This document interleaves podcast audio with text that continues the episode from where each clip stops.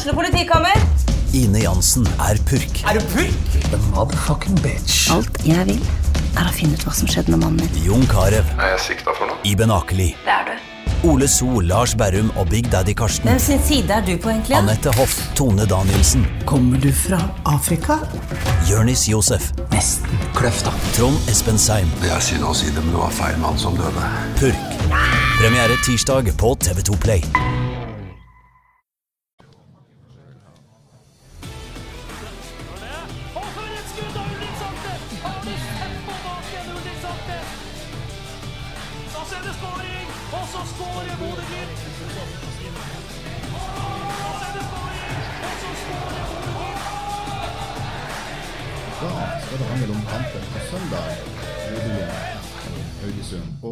Even Sehl, assistenttrener i FK Haugesund. Velkommen.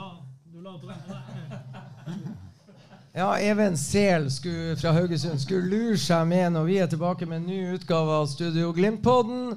Denne gangen live fra Sportsbaren i Bodø. Vi snakker 26. juli, dagen før Bodø-Glimt tar imot Bohemians. Og sist, men ikke minst, på 80-årsdagen til Mick Jagger fra The Rolling Stones.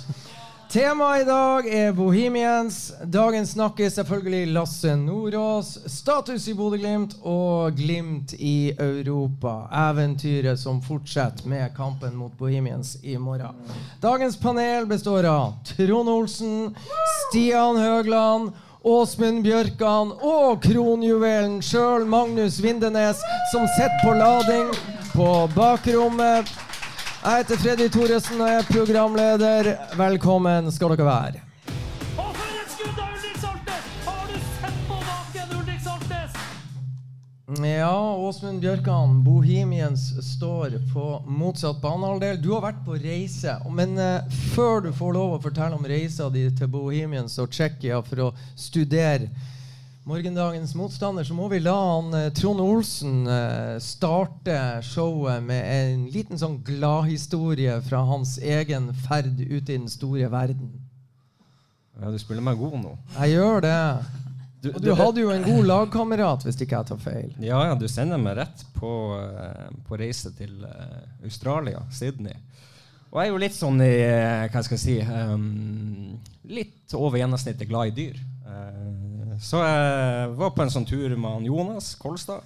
Vi var på et hotell, og vi begynte å skulle ut på en sånn eh, utflukt. Og ehm, jeg begynner å spørre om kan vi møte noen ville dyr. Er det Ja. Er det muligheter for å møte en kenguru eller en koalabjørn eller et eller annet? Nei, sier hun dama. Det er mest sannsynlig ikke, men dere skal i en dyrepark. Um, der eh, kan dere eh, mest sannsynlig møte en uh, kenguru, kanskje stryke på en uh, koala. Og så blir hun litt sånn rar i ansiktet og, og begynner å stamme litt. Så sier hun litt sånn eh, But, but uh, actually I don't think you can touch the, the koala because they, they, they actually have klamydia. Og da før jeg rekker å tenke meg om, Jonas That's no problem. He also have. Ja, det var han, det var han eh, Trond som insisterte oss, men jeg regna med du unngikk det da du var i Tsjekkia. Men, eh, men hva kan du si om morgendagens motstander som dere treffer på Aspmyra? Nei, det er jo for det første en, et eh, artig lag. Det er et lag med litt sånn store bokstaver. mer kanskje enn enkeltspillere. Eh, de kom på fjerdeplass i fjor i en eh, tøff tsjekkisk liga. Eh, de tre lagene som er over, er eh, stabile gruppespillag i eh, Europa. Eh, både Champions League, Europaligaen med altså Slavia Praha, Sparta Praha og Victoria Pilsen, som er tre gode fotballag. Og de her ble altså nummer fire. Uh, Tsjekkiske ligaen er en veldig tøff fysisk liga. Eh, sannsynligvis mer eh, fysisk enn taktisk. Eh, sånn at eh, at det blir en tøff kamp, det tror jeg vi kan være helt sikre på. Og så blir det veldig spennende å se om vi klarer å, å utnytte deres svakheter på en litt annen måte enn de lagene de møter til vanlig. Eh, så eh, det blir kjempespennende, rett og slett. Dere har eh, forberedt dere godt. Kan du fortelle litt om de endringene dere har eh, gjort i forberedelsesfasen på de motstanderne dere til enhver tid skal møte, sammenligna med det dere gjorde da f.eks. Legia Warszawa kom eh, til Bodø? Altså, Vi har jo hatt en fantastisk reise i Europa de siste årene. Og vi har jo utvikla oss på lik linje med eh, både spillere og organisasjon og alt annet, også i forhold til hvordan vi tilnærmer oss lagene til Europa. Det har blitt veldig viktig for oss etter hvert å se lagene live.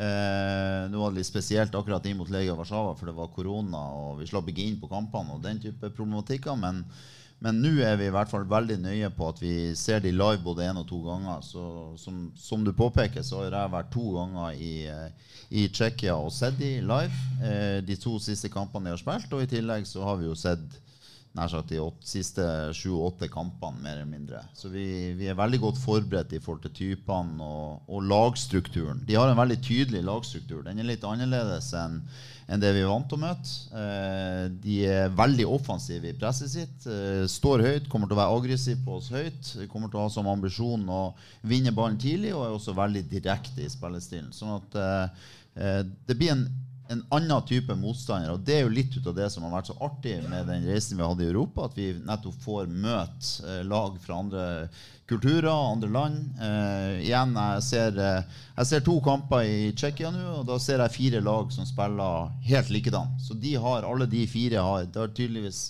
som den gode, gamle Rosenborg 4-3-skolen her i Norge. Nå er jo alle, spiller jo alle nesten 3-5-2, i hvert fall mot oss. Men, men uh, der i Tsjekkia så var det i hvert fall helt tydelig at der spilte lagene 3-4-3 og, og, var offensive i presset med, med, de to sidespillerne. Så, så, det blir en litt annen type motstand. Jeg tror ikke vi skal forvente eller alle vi som kommer på Aspmyra i morgen, jeg tror ikke vi skal forvente et lag som legger seg på noen måte. Uh, de kommer til å være aggressiv, stå høyt, uh, direkte, spille på lav risiko, fighte og krige og slåss. Så Det blir en litt annen type motstand enn det vi er vant til. da. Jeg var og traff eh, lagets trener Jaroslav Weseli på Aspmyra for tre timer siden. Han hadde stålkontroll på Bodø-Glimt. Han eh, rulla opp hele historien fra 2017 og frem til i dag og mente at Bodø-Glimt var et lag som de hadde stor respekt for, og de var en inspirasjon for klubber som Bohemians. Fordi at Bodø-Glimt og resultatene dere har gjort i serien og i Europa, var på en måte, Han kalte det 'the beauty of football'. At et lag som Bodø-Glimt fra en liten by oppe i det høye nord kunne på en måte ha de, den utviklinga dere har hatt. Så det er jo veldig tydelig at de er godt forberedt på dere også. Men hva, hva tror du er årsaken til at Bohemians for første gang på 40 år har kvalifisert seg for spill i Europa? Nei, det er ganske enkelt å svare på det. De har gjort en veldig god jobb. Altså Bohemians er en uh, tradisjonsrik uh, klubb med en, uh, en, stolt historie. De har, vært, har trøbla med økonomien og vært nede i fjerdedivisjon, og supporterne som er veldig lidenskapelige for, for, laget sitt. Og det kommer vi helt sikkert også til å merke i morgen. Det er ganske mange tror jeg faktisk som tar turen opp til Bodø fra Tsjekkia. og og har en veldig lidenskap for det. Og så eh, har de bygd seg opp eh, jeg på si, stein for stein, men samtidig så er de en liten klubb, så de opererer jo med en tiendedel eller en tyvendedel av budsjettene til de lagene som ligger over. Altså Slavia Praha og Sparta Praha er 10-20 ganger så stor eh, som Bohemians i forhold til lønninger etc. Sånn at de har bygd seg, at de har gjort en god jobb. Og som jeg sier, at de har klart å skape et godt lag ut av spillere som i utgangspunktet ikke har lyktes i kanskje i de, stor, i største klubbene, i hvert fall. Det er, det er, det er ikke tilfeldig. Altså, det er litt likt Bodø-Glimt i forhold til at de har klart å, å bygge opp noe veldig bra ut fra begrensa ressurser. Stian og Trond, dere skal kommentere kampen i morgen. Følg dere med. Får dere med hva Åsmund sier? Åsmund har jo vært så elskverdig at han har jo delt en del av disse tingene han har vært og, og snoka seg til med Bohemians med oss. Så jeg hadde jo en 20 minutters gjennomgang med Åsmund her rett før helga med, hvor han fortalte meg alt han visste om Bohemians. Så det var jo så jeg har fått, fått historier, og det er jo helt nydelig for oss som skal late som vi kan alt om de i morgen. Ja, Trond, hva du tenker om kampen? Nei, Jeg tenker jo at det, det, det, kommer til å bli en tøff kamp. De møter et lag som eh, som er tøff, direkte. Det er et voksent lag. Eh, vi snakka om det under trekninga. Det, det, var kanskje det tøffeste laget de kunne møte eh, ut av eh, de lagene som var i potten. Så det blir ei, ei eh, god utfordring. og eh, Bodø-Glimt må ha et godt resultat i morgen, for uh, den bortekampen kommer òg til å bli ekstremt tøff. Så jeg gleder meg, og det blir veldig spennende. Jeg har lagt merke til en Åsmund. Det, er, det er et ganske voksent lag. Rutinerte spillere. Jeg var også nede og, og prata med høyreback eh, De sier at han De tør ikke å innrømme helt at det er en 41-åring som er kapteinen deres. Så overfor oss, norsk presse som har møtt dem i dag, så sier de at kapteinen heter Martin Dostal. Han er 33 år. Bare for å skjule han 41-åringen for oss. Han så jo ut som en sånn murstein som er høgd ut fra et eller annet fjell i Tsjekkia. Men eh, den der alderen, rutiner, erfaringer, fysisk tøft, kan dere ta, er det temposjokk dere kan gi dem på Aspmyra i morgen? I forhold til at de har spilt én kamp i serien, dere er midt i sesongen.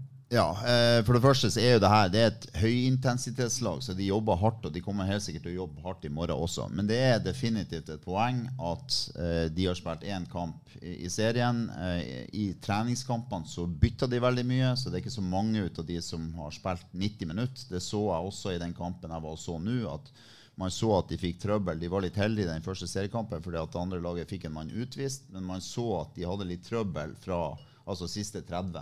Så de er ikke vant til å stå med eh, så mange spillere i 90 minutter pluss.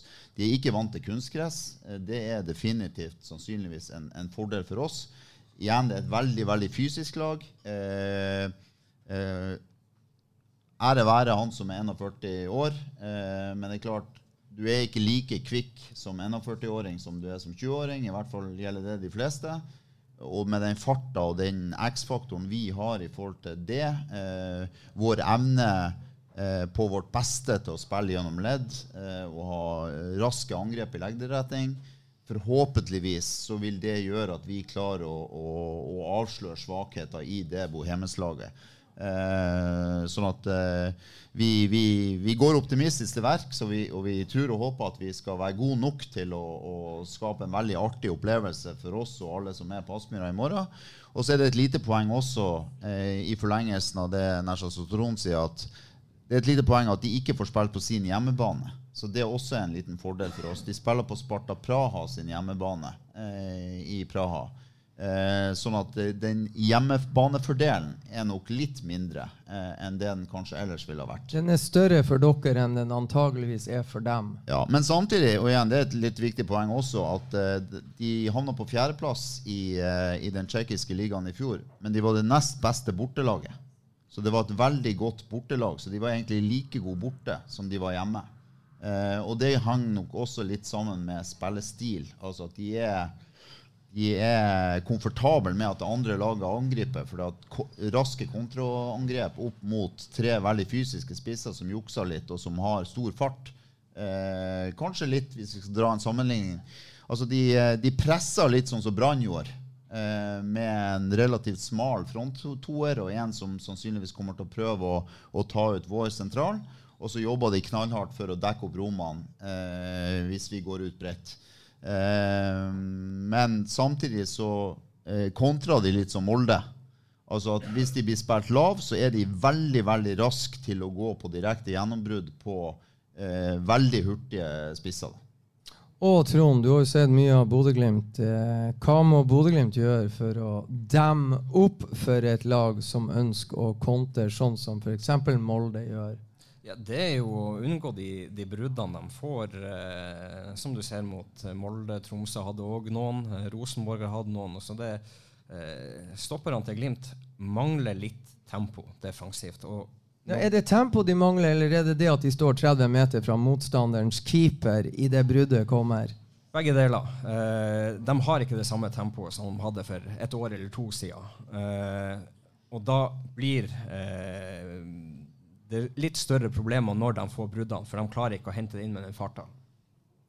Jeg skulle til å si, jeg blir litt sånn finta, Stian. Jeg sitter med en høyreving som antageligvis er kjappere enn han 41-åringen til Bohemians. Og så sitter jeg med en venstreving som garantert er kjappere enn han. Og da hadde jeg tenkt å plassere deg som en sånn stor tanksenter på topp.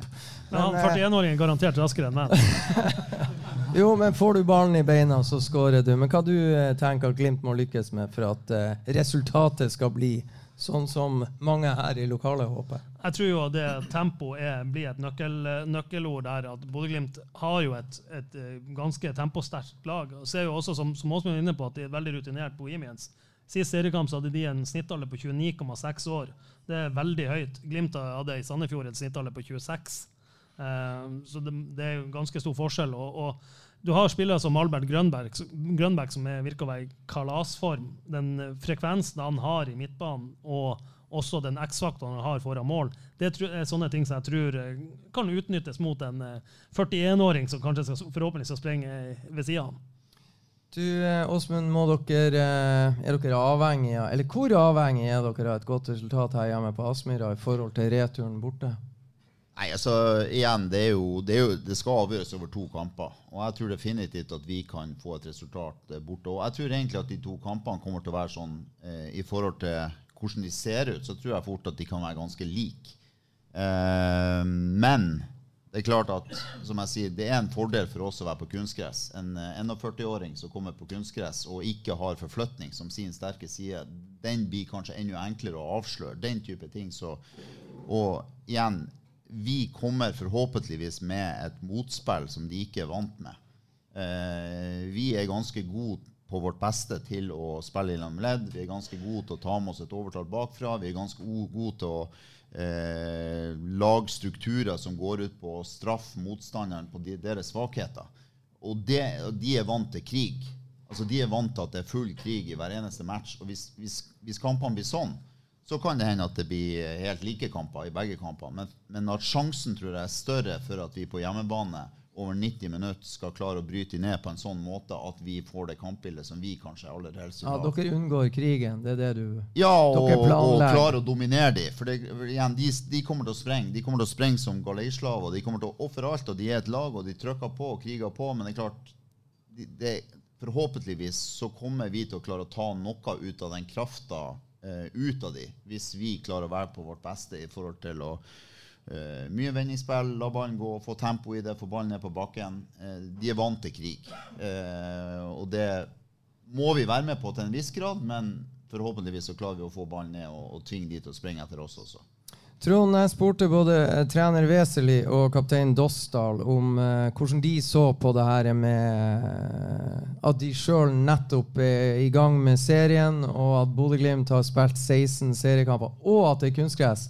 Da var de ganske kjapt frempå og forklarte at de spilte mange treningskamper på kunstgress vinterstid i Tsjekkia og en og annen seriekamp. Tror du det er bare sånn som de sier for å roe ned seg sjøl, eller tror du det er noe? Er de så vant til kunstgress og det de sjøl gir uttrykk for? Nei, de er ikke vant til det tempoet de kommer til å møte Bodø-Glimt med hvis de eh, får til å holde ballen mye i laget, få kombinasjoner og treffe på de pasningene og eh, komme seg ut av det første presset. For når Bodø-Glimt klarer det, så blir det ekstremt vanskelig for dem å eh, å få de tette, trange avstandene og, og stenge rom for Glimt. Så um, jeg tror uh, de prøver å, å, snike inn litt uh, selvskryt til seg sjøl, og så er de ikke like komfortable med det, med, med det som kommer til å skje i morgen. Og Stian, jeg må spørre deg, for jeg, Vi vet jo det at motstanderne analyserer Bodø-Glimt. Vi vet ikke om de har vært i Norge og sett dem live. Eh, vi, de har garantert sett mye på video. Men tror du videobildene klarer å vise det tempoet og den farta som er i vendingen til Albert Grønbæk og sluheta til Amahl Pellegrino, og ikke minst den offensive krafta til Brisveen Bangomo hvis han kommer på banen? Og sønnen hans. Eh, går det an å, å, å, å, lære seg det her på video? Kan det bli noe annerledes når du får smake krafta live fysisk ute på banen? Det er ikke noe tvil om at du kan, eh, du kan se mye på video, men eh, den krafta Glimt har, det hører jo absolutt alle som kommer og skal trene med Bodø-Glimt. De blir jo sjokkskadd. Altså, uansett hvor de kommer fra, så er det sånn Oi, det gikk såpass fort, ja. Eh, det er jo en grunn til at alle trenger tilvenningstid i, i Bodø og Glimt. så jeg tror nok de kan få seg en liten overraskelse på, eh, på krafta der. Og så er det klart at den sluheten etter Amal den, eh, den, kan du se så mye du vil på, men det er jo en grunn til at han aldri blir stoppa. For han er så god at detter ballen ned på fem meter, så står han jo der. Ja, det, det, og det kan du ikke gardere deg mot. Det er et par norske klubbledere og trenere og spillere som burde ha lært, mener du? Nei, det syns jeg ikke, men uh, det er vanskelig å lære. Ja, det er vanskelig. Du Åsmund, er det noe vi trenger å si om Bohemians uh, til folket uh, før vi skifter tema? Nei, ikke noe annet egentlig. at altså, Vi skal ha respekt for at det, det er gode fotballspillere på det laget. Også. Det er tsjekkiske A-landslagsspillere på dette laget her. sånn at det er det er, det er, et godt lag vi møter, men, eh, men fortsatt så er jeg helt enig med det Trond og dere sier at eh, altså sjansen for at vi skal eh, klare å bryte ned, er forhåpentligvis god. Og det er det vi, det er det vi ønsker, og det er det vi går for i morgen. Og så er det forunderlig. Det er, nest, det er bare tsjekkere og altså en slovak på laget, er det ikke så? Ja, igjen, det, altså, det er et godt kollektiv. Dette er en eh, samkjørt gjeng som har en tydelig plan, har hatt det over eh, flere år. Eh, treneren har gjort en god jobb, og de har eh, bygd, bygd og bygd og bygd og bygd, og, og eh, blir mer og mer sjansekjørt for hver eneste kamp de spiller. Sånn at eh, eh, vi, må, vi må opp på vårt beste nivå vi, i morgen hvis vi skal få, et, eh, få det til å bli en skikkelig artig kamp på Aspmyra. Ja, og Stian, du må opp på ditt beste nivå nå. Ja, jeg har fått, jeg har et spørsmål fra salen til Åsmund. Er liksom, hvor, hvor forberedt er dere på det fysiske spillet som venter dere? Eh, dere har vel ikke, det er vel ikke den eh, type fotball dere er mest glad i? Lag kommer og ordentlig trykker til og, og hiver seg inn i dueller. Hvor, hvor, hvor forberedt er dere på det? Jo da, altså, vi, altså det er helt riktig. Eh, Altså, vi må opp vi, i forhold til uh, den duellspillbiten. Også i forhold til der vi har vært i de siste kampene. Um, og for oss er det jo, altså Vi må jo bare være tydelige og ærlige på hva er det vi møter. Og, og for, altså Det må vi være forberedt på. Og den krigen, den kommer. Det trenger vi ikke å tenke på i det hele tatt. Uh, igjen, hvis vi ikke klarer å dominere dem på en sånn måte at vi klarer å ta krafta ifra dem, altså suge krafta ifra dem litt etter litt. Eh, men, eh, men jeg er jo ganske optimistisk i forhold til at vi skal klare å gjøre det. da. Men kan dere love oss, alle som sitter, at dere skal ikke slippe inn mål tidlig etter tre minutter i morgen, så dere har, har litt for dårlig egenskap til å gjøre det i noen kamper i år? Det kan jeg ikke love, Stian. Det vet du. Men, men jeg syns jo også det er et, det er et meget uh, stort poeng. det er de personlige feilene som ofte gjøres. Det må reduseres betraktelig, og spesielt i Europa. For eh, de to siste målene som er eh, sluppet inn, er personlige feil. og det de der må du få bort og få luka bort, for det, det er vanskelig å komme under i kamp etter kamp etter kamp. Ja, har dere snakka om det, Åsmund? Inn mot henne? Nei da, men vi er jo helt enige. Og vi, altså, vi må eh, Det handler jo litt om at altså, vi, må, vi må opp på vårt beste nivå. Vi har ikke vært over 90 minutter på vårt beste nivå mot Sandefjord. Vi har ikke vært på vårt beste nivå mot uh, Haugesund. Så vi må, uh, vi må skru til den strikken enda et hakk eh, i morgen mot Bohemens, rett og slett. Bra. Da ser det skåring, og så skårer Bodø-Glimt! Ja, så skåra Bodø-Glimt, og du verden, eh, Åsmund. I dag har det vært litt rock'n'roll både i Bodø og i Tromsø. Og jeg vet jo at du er en god kompis med Gaute Helstrup, men eh, han, eh, han var litt muggen i dag. Ja da, det fyres ganske bra nå. Nær sagt begge veier. Så det, er, det er litt fyr, ja. Ja, Har du snakka med han? Jeg har ikke snakka med han i dag. Jeg fikk en eh, telefon i går kveld om at, eh, om at eh, Lasse kanskje var på tur hit, og det tror jeg ikke han likte noe særlig. Det tror du ikke han likte. Trond, hva, hva du syns om eh, det som har skjedd i dag, hvor altså eh, Lasse Nordås setter seg på et fly tilbake til Bodø, og, og eh, dermed så er jeg holdt på å si catfighten i gang igjen. Nei, Enn så lenge så er han jo Bodø-Glimt-eiendom, så de har jo alt på det rette for å gjøre det. Og i forhold til kampen i morgen, så er det jo greit. Eh, På søndag derimot, så er det kanskje litt verre der. For du, du, du kan sette en gutt i et, et kjempeproblem. Skårer han 1-0 og Glimt vinner, eh, så blir han jo hata i Tromsø for han er kommet dit. og er han så uheldig og skal forsvare målet og får en stuss og ballen daler ned i langhjørnet og Glimt taper 1-0, så er han jo hata her for alltid. Så det er jo eh, Ja, det Det er et lite dilemma. Ja, det er et lite dilemma, og det, det er tøft for en 21-åring å havne i den situasjonen. Du, eh, kan du redegjøre, Åsmund, for saken sett fra Glimt sitt ståsted her? Jeg kan vel egentlig ikke i veldig stor grad det. Jeg har ikke vært involvert i de prosessene. Men Du har bare som- lest avisa. Jeg har bare lest avisa, så det kunne du egentlig forklare. Men, eh, men eh, Min mening er jo at man må forholde seg til de avtalene som er inngått. Og hvis det er sånn at den Nå ikke jeg, vet ikke jeg akkurat hvilken type avtaler som er inngått, men det er en kombinasjon av inngåtte avtaler og sunt eh, folkevett. Og eh, igjen, Glimt sitt argument er jo at han har kontrakt som er helt riktig eh, frem til 1.8. Eh, på den andre sida så har jo f.eks. Bassi, som er hos oss nå, han har jo også kontrakt med Tromsø frem til 1.8. Så det vil jo kanskje si at Bassi spiller på Tromsø da først, i den kampen på søndag. Så vi får nå se.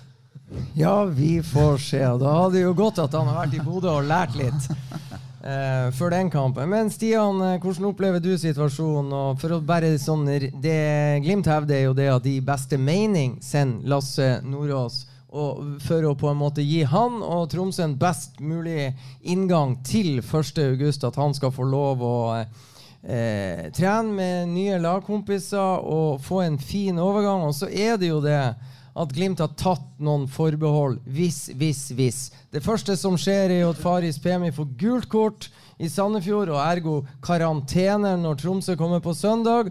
Og så sliter Faris Pemi med en rygg. Eh, litt grann forlot treninga før eh, treninga var over i går, Åsmund. ikke sant? Og så har, dere en, eh, har de en Runar Espejord som nettopp er friskmeldt etter langvarig skade. Nei, det, det, er jo en ekstremt spesiell situasjon, og, og, mye av grunnen til at det blir så spesielt, er jo at det er Glimt Tromsø på søndag. Hadde det vært eh, en kamp mot Haugesund nå på søndag, så hadde jo ikke dette holdt på å si, blir det et stort, stort uh, samtaletema. Men uh, når det er nettopp Glimt-Tromsø, så blir det jo ekstra spesielt. Og kanskje enda mer når det ble det koket som ble når Bassi ble Glimt-spiller. Så Men Glimt har jo, som du sier, helt på, alt på sitt på det tørre. Og, og Glimt sin eneste jobb er jo å tenke på hvordan skal de være best mulig rusta til å slå ut Bohemians og ta tre poeng mot Tromsø. Og hvis det er med Lasse Nordås i i troppen er en spiller som de fortsatt eier i ei uke til, ja, så selvfølgelig skal han være her. Eh, Trond, jeg må spørre, du har jo vært ung og lovende eh, lenge, holdt jeg på å si. Men eh, når du var ung og lovende, hvor, hvor eh, Prøv å sette deg inn i Lasse sin situasjon. Han er ung. Hvordan tror du eh, han har hatt det de siste dagene? og Fær til Tromsø lykkelig og glad for å starte på en ny epoke. Oi, der kom han ned på flyplassen. Tilbake til Bodø allerede i dag.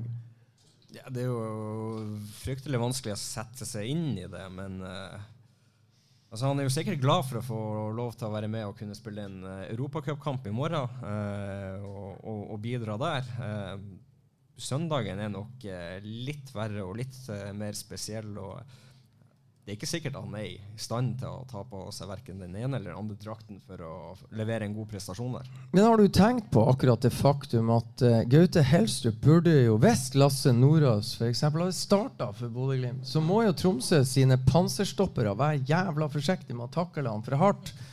For etter søndagens kamp så skal han jo spille for dem og bøtte inn mål. Det kan jo utnyttes kynisk og rått av Bodø-Glimt, akkurat det. Ja, det kan de jo. Eh, og jeg har jo tenkt tanken. Altså, han kan jo ryke korsbåndet og være satt ut for et år. ikke sant? Det, det, det er jo mye som kan skje. og det, det, er en vanskelig situasjon for han, og så er det jo artig for alle oss andre. Ja, hva du, Åsmund, det er et spesielt dilemma. Du har nå vært mange år i fotballen, men et dilemma som vi akkurat smaker på nå, det er nå lenge siden vi har vært borti, vel? Ja, det er jo veldig spesielt. Og så er det som Stian sier, det er jo fordi at vi møter Tromsø. Det er jo det, er jo det som gjør det så, så, ekstra spesielt. For hvis ikke så hadde det jo på en måte vært en ganske grei sånn eh, dato å forholde seg til her. Eh, sånn at nei da, det, det er ikke og så er det jo litt sånn, det er litt spesielt også nå med Tromsø og Bodø-Glimt som liksom én og to i eh, Eller én og tre i Eliteserien. Det òg gjør jo at det rivaleriet kanskje blir enda sterkere enn hvis, hvis forskjellen er større mellom lagene. Du er ikke redd for at det taktiske skal gå, gå litt mellom klubbene her? og... Jo, som sagt, jeg har ikke vært involvert, så heldigvis så sier jeg bare ingen kommentar til alt sammen. har du prata noe med Lasse Nordås etter at han kom tilbake til Bodø? Nei, jeg har ikke møtt han Lasse etter at han kom tilbake. Jeg var så heldig og fikk to-tre minutter på Aspmyra helt til han Niklas Aune Johnsen oppdaga det så vidt, så jeg sa jeg skal bare bruke det i en podkast. Men eh, jeg, jeg, Jeg spurte Lasse Nordås hvordan har du det, Lasse, nå? Eh, Velkommen tilbake. Og så. Nei, det har vært litt styr, det syns han. Men han var inne på det. Han så ganske fornøyd ut. Han så eh, komfortabel ut, og han gikk rett på det der som Trond Olsen var inne på. Det er jo ikke feil å ta med seg en europacupkamp med Bodø-Glimt på vei nordover, så han eh, så ikke så steike mørkt på det. Skjønner jeg veldig godt. Tenk, tenk den legendestatusen han får her hvis han eh, skårer to mål nå mot, eh, mot Bohemians. Da er han jo helt for alltid. Ja. Og bare Lasse er jo en som han elsker å spille fotball. Og han er jo ikke Jeg tror han kanskje tenker mindre konsekvenser enn mange andre ville ha gjort. på en måte. Han, han, han går ut på banen og gjør så godt som han kan hver eneste kamp uansett. Det er i hvert fall min opplevelse av han. Og en annen ting vi snakka om, Lasse Nordås og jeg, det var det faktum at akkurat det han står i nå, har stått i denne uka, det kommer, han, det kommer til å gjøre han til en enda bedre fotballspiller en gang i fremtida. Det å stå i den situasjonen som han er i. Og det er jo steike synd at han skal ta ut det som Tromsø-spiller, tenker jeg. Ja da, nei igjen, Lasse er en flott gutt som har eh, stått på hver eneste dag han har vært i Bodø-Glimt. Og vi, vi ønsker han alt det beste. Og så eh, håper vi at det ikke går så bra for ham at eh, Tromsø på noe tidspunkt kommer over Bodø-Glimt på tabellen. Det er vi enige om. Og så må jeg bare spørre, er det sånn av og til krangler du og Gaute, eller lar dere de andre krangle? Ja, heldigvis så klarer jeg for å si det på nordnorsk å gi faen i hele eh, opplegget. De får bare styr. Det er min eh, Det er min eh, det, jeg, jeg, Igjen, jeg jeg har ikke vært involvert i prosessen, så det er ikke noe for meg. Jeg vet, jeg bare jeg Jeg skal ikke, jeg skal ikke plage deg, Åsmund. Jeg går over til han Stian Høgland. Du har prøvd å få fete sitater fra Håvard Sakariassen, og det er jo like vanskelig som å bryte seg inn i et eller annet bankhvelv for å bli bankraner. Eh, sånn. Men i dag leverte han på øverste hylle, gjorde han ikke det? Jo, jeg, må, jeg måtte, når du begynner å spørre, så måtte jeg hente frem den tekstmeldinga Ja. vi fikk. For vi fikk jo tilsendt sitater fra Håvard Sakariassen i dag. Um, og da starta han med Gaute ikke- er ikke i posisjon til å mene noe som helst om Lasse Nordås før 1.8. Eh, og avslutter med Gaute Helsrup burde åpne vinduet på kontoret sitt på gløtt og få i seg litt frisk luft før han uttaler seg til media om ting han ikke har noe med å gjøre. Det er um, ikke vanlig Håvard Sakariassen-sitat. Der er det stort sett eh, Vi kommenterer ikke prosesser før ting er klart. Det hørtes mer ut som et Trond Olsen-sitat. Ja, men jeg elsker det. Endelig er det noe som hiver litt mer bensin på bålet og lager litt stemning. Ok, det er en kamp i morgen, men det kommer en kamp på søndag. Og få trykka på, for det kommer til å bli et helvetes liv oppe oppe på Aspmyra da. Og Freddy, du snakka med Kjetil Knutsen, og da sa Kjetil Knutsen at jo da, Tromsø har nå kasta litt bensin på det bålet. Men gud hjelpe meg, vi har en del bensin vi skal kaste på det bålet, vi også, før søndagen. Så jeg tror det kan bli utrolig artig på, på Aspmyra på søndag. Ja, vi snakka oss litt bort fra Bohemians og Europacup, eh, Åsmund. Det er vel helt naturlig når eh, de to beste lagene i Norge holder til i nord. Ja, det er jo, en, eh, det er jo utrolig artig. da. Altså, Tromsø har eh, gjort en kjempejobb og, og har bygd seg opp igjen fra eh, med relativt billige spillere, et relativt lavt budsjett, og har bygd stein på stein, akkurat som Bodø-Glimt har gjort. Og, og det at det faktisk er vi nå som de kanskje er en av våre aller argeste utfordrere i, i, forhold til å få en god plassering i Eliteserien, det, det er veldig artig så lenge som de hele tida er bak oss. Og Trond, det er vel ikke noe Det Tromsø har gjort, de har jo bare kopiert det Bodø-Glimt har gjort. Når eh, Bodø-Glimt har funnet formelen, så har Tromsø kopiert, og så enkelt er det. Åsmund har jo oppskrifta, så han har jo bare sendt den på mail opp til Gaute, så har alt vært i orden. Ja. Nei, det, mm, det er bra. Hva du tror, eh, Stian? Tror du, med all respekt å melde, at eh, Lasse Nordås blir involvert i kampen som Kjetil Knutsen lova han skal være i kamptropp på søndag? Tror du på det? Eh, tja, det kommer litt an på denne ryggen hans. Han har slitt litt med ryggen, Lasse. Han, jo, han hadde jo veldig lyst til å spille jeg, for Glimt 2 på søndag mot Kolstad. Det kunne han ikke. Og um, Fra Tromsø meldes det jo at han ikke er frisk. Men, eh, men jeg er ikke noe redd dersom han blir involvert. For eh, han, han var jo litt i samme situasjon i fjor. Spilte for, Glimt, nei, for Tromsø og skulle tilbake til Glimt. og som Åsmund var inne på, han bare elsker å spille fotball, og det så vi når han skåra mot Glimt. Han jubla jo eh, ganske kraftig da, så det er jeg ganske sikker på hvis Lasse Nordås kommer innpå mot Tromsø på søndag og skårer, så blir han å juble som, som om det er VM-finalen. Altså. Jeg traff faren til Lasse Nordås før kampstart mot uh, Odd i Skien. Og, og da kunne jo han røpe mer enn eh, Håvard Sakariassen og Åsmund Bjørkan og de her, at det der med en, overgang, en tanke på en overgang til Tromsø, den har vært i spill ei stund. Men hvis dere ser, dere må gjerne gå inn og google det jubelbildet som ble tatt av NTB sin fotograf etter at Ulrik Saltnes satte 3-2 i cupen.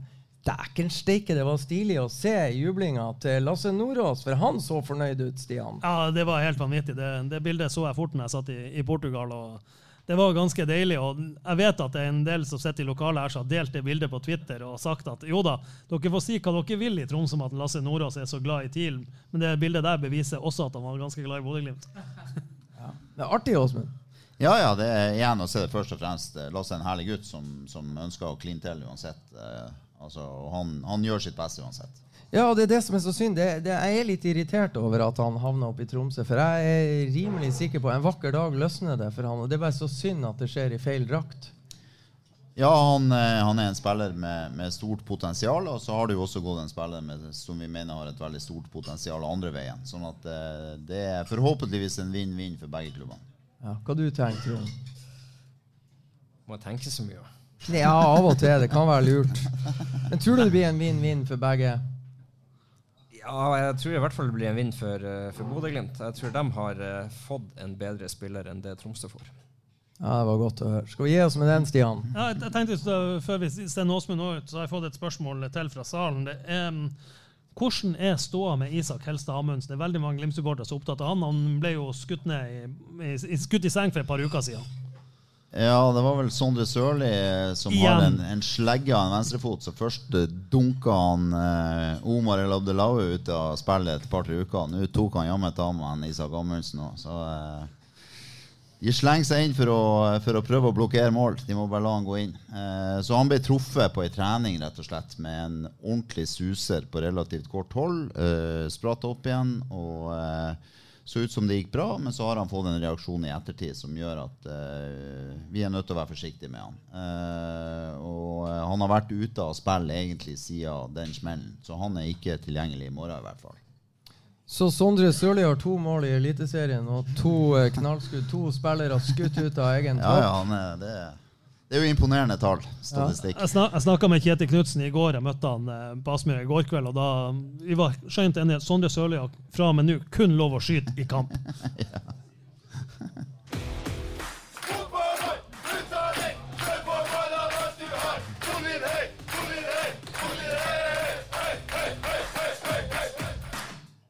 vi, du snek jo inn et spørsmål før eh, temaskiftet. Status Glimt-tropp. Da fikk vi altså svar på eh, Isak eh, Helstad Amundsen. Han er ikke med i morgen. Han har ikke vært på trening i det siste. Men Åsmund, hvor mange høyrevinger har dere eh, tilgjengelig til møte med Bohemians og Tromsø på søndag? Nei, altså akkurat nå så har vi jo i og med at eh, Joel gikk og, eh, og Nino ble skada, så det, skal, vi være ærlige og si at det er litt eh, I noen posisjoner så, så har vi ikke veldig god dekning. Eh, og så er det jo 1.8 åpna vinduet, og det er klart da får vi plutselig inn eh, nye krefter. Eh, ikke minst i de posisjonene. Sånn at, men akkurat nå, de to kampene som kommer nå, så har vi ikke en veldig mange å velge i, akkurat hvis du sier akkurat høyrevingen, f.eks. Hvis vi sier akkurat høyrevingen, så teller jeg opp Sondre Sørli. Hvis vi sier venstreving, så teller vi opp Amahl Pellegrino. Og så har dere nå Faris Pemi i morgen. Dere har Runar Espejord, og dere har Lasse Nordås. Eh, that's it. Ja, så er det jo litt sånn fotball er. Altså, Bodø-Glimt har jo bygd opp en tropp som eh, skulle tåle et, et, et, tett program, som skulle tåle å være med i E-cup. Eh, det føler vi jo på mange måter fortsatt at vi har. Men det er klart, akkurat nå med, med avgangen til Hugo, avgangen til Joel og den eh, veldig ubeleilige skaden til Nino, som virkelig var på gang, eh, så, så er man av og til i en sånn situasjon. og som du sier, eh, gulkortene til Farris gjør jo også at den med, med Runar Espejord litt sånn til, på tur tilbake etter et relativt langt skadeavbrekk. Så det gjør at akkurat nå er vi sårbare. Men det er fotball, og vi jo vi er jo bedre rusta enn i fall de fleste andre norske lag i forhold til at vi fortsatt har veldig gode spillere og, og, eh, som spiller i de posisjonene. Og så er det jo mer vår evne til å gjøre endringer underveis i kampene eh, som blir litt svekka når du har bare ett eller maks to alternativer i de posisjonene. Ja, Trond, hva du tenker? Har du lyst til å gjøre comeback når du hører oss snakke om kantspillerne i Bodø-Glimt? Eh, hvilke alternativer har de? Hva du tenker? Kommer det til å gå bra? Kan du berolige alle som sitter her, at det går bra mot Bohemians og mot eh, Tromsø? Men dessverre kommer det jo en returkamp, og så blir det kjempebra mot Viking borte, for da er både Bassi klar og Gulliksen klar. Ja, jeg kan ikke berolige noen, for det, det kan komme skader i morgen òg. Og det kan komme skader på søndag, så, eh, og kort kan det komme. Så du, du, du, du er litt, eh, litt på minussida inn, inn, mot den perioden her med de uh, tre, tre, neste kampene. Så det er viktig å unngå både skader, karantene og kort. Og uh, ja, um, håper de klarer å balansere det godt, og at det blir et godt resultat i morgen. Eh, en bra kamp på søndag og eh, et enda bedre resultat i eh, Tsjekkia om ei uke. Stian, eh, anvendeligheten i Glimtsdalen er alltid interessant å smake litt på. Nå skal du eh, få lov å leke Åsmund Bjørkan, og så skal jeg Hva gjør du hvis f.eks. Eh, la oss nå gjøre det litt enkelt for deg. Hvis både Amahl Pellegrino og Sondre Sørli blir skada før pause i morgen, hvordan setter du opp laget ditt til andre omgang? Ja, Det er jo kjempeenkelt. Um, nei, det, det, første jeg ville gjort, hvis, hvis begge kantene ryker, så ville jeg satt Fredrik André Bjørkan opp på uh, venstre kant og Adam Sørensen inn som høyre, nei, venstre back. Uh, på høyre kant så har jeg sittet Albert Grønbæk og så har jeg sittet Ulrik Saltnes inn på midtbanen. Det er vel eh, den enkleste løsninga med minst mulig rokeringer. Ja, Trond, hva du ville gjort? Lek i stallen, problematisere litt. Hvem ville du ha testa ut i en litt annen posisjon enn de har blitt på trening og i kamp så langt i sesongen? Jeg har vel egentlig sagt at du kan uh, hive Ulrik på topp hvis det, hvis det kniper. Uh, han kan kanskje gjøre noe med det presspillet Glimt ønsker å få til. og han er en smart, oppegående spiller, så, så det, han kunne nok vært et nødsalternativ som spiss. Tror du det er lettere å få aksept hos Ulrik Saltnes til å sette han opp på topp, enn å sette han ned som midtstopper? Jeg tror han hadde spilt uansett hvor han hadde blitt satt. ja. Åsmund, vi leka oss. Det var litt bevisst at jeg lot oss leke bitte litt. Men, men, eh, er de på sporet av noen av alternativene som kan måtte dras opp av hatten hvis dere ja. skulle ha uflaks? Ja da. For det første så jo, får vi krysse fingrene for at, eh, at alle de vi har i de vante posisjonene eh, både spiller godt og, og, eh, kommer seg gjennom eh, alle de kampene vi har fremover. For det er mulig? Definitivt. Ja. Altså, det er jo eh, relativt sånn Nå har jo Sondre vært litt skada, men han er jo samtidig en relativt sånn stabil spiller når han eh, er frisk og rask. Som han, han, har trent bra over en bra periode, han Sondre. Og Amahl spiller jo alle kampene. Eh, har jeg bank i bordet. Har iallfall gjort det hittil. Sånn at eh, Eh, nei da, Ellers er dere jo absolutt inne på helt enig. Ulrik har jo den ferdigheten at han kan spille i nesten alle posisjoner på banen. Og, og, eh, og hvis, eh, si, hvis, andre ryker, så, så, er det jo kanskje noen som Så har vi fortsatt gode fotballspillere i tropp som kan eh, gå inn og gjøre en jobb også i eh, litt uvante posisjoner i en eller to kamper. For det er jo også det. Det er jo litt forskjell på liksom, å stå der i 20 kamper og stå der i én kamp eller en halv kamp. Eller, altså, det er enklere å gjøre en god jobb når de andre ikke er helt forberedt på hva som kommer, og du kan, kan overraske litt og, og, og, komme inn med frisk energi. Eh, sånn at eh, vi er vel ganske trygge på at det kommer til å gå fint. Ja, eh, Stian, er det andre ting du ville ha gjort sånn eh, tror, Eller tror du det er så enkelt? Vi, skal vi bare bli enige om egentlig at jeg håper at eh, Sondre Sørli holder seg oppe på beina. Amahl Pellegrino, det fascinerende med han Han er ikke til stede på alle treningene sånn ute, men han kommer jaggu klar til hver bidige kamp. Det er en eh, bra egenskap. Det er en ekstremt bra egenskap, og det så vi jo i fjor også. Selv om han fikk eh, opptil flere strekker i fjor, Amahl, så hadde, han sa han eh, har en kropp som leges på en litt annen måte enn en del andre. så eh, men, eh, men klart Glimt er avhengig av tåler ikke for mye skader. Eh, selv om de får inn et par, så kan du ikke få for mye skader offensivt. Så eh, nei, de må holde seg friske. Det er ikke lov å bli skada nå. Dæken, altså Jonas Klingan Olsen sitter her. Og Trond Olsen, hvor nært var det å signere for tidlig i 2019? Vi må bare få det Vi må få elefanten i rommet her opp her med en gang. Det, det var vel ikke jeg som tok den avgjørelsen, så jeg var vel ikke kjempenært. Du var ikke Vi må spørre noen i TIL hvor, hvor nært du var. Ja, nei, jeg, nei jeg, jeg var ikke Jeg tror ikke jeg var i nærheten. Jonas, tusen takk for at du kom her. Det er, fantast, det, det er fantastisk å ha deg her, altså. Det er, ja. ja, det er lov å klappe til han Jonas. Det er det ikke.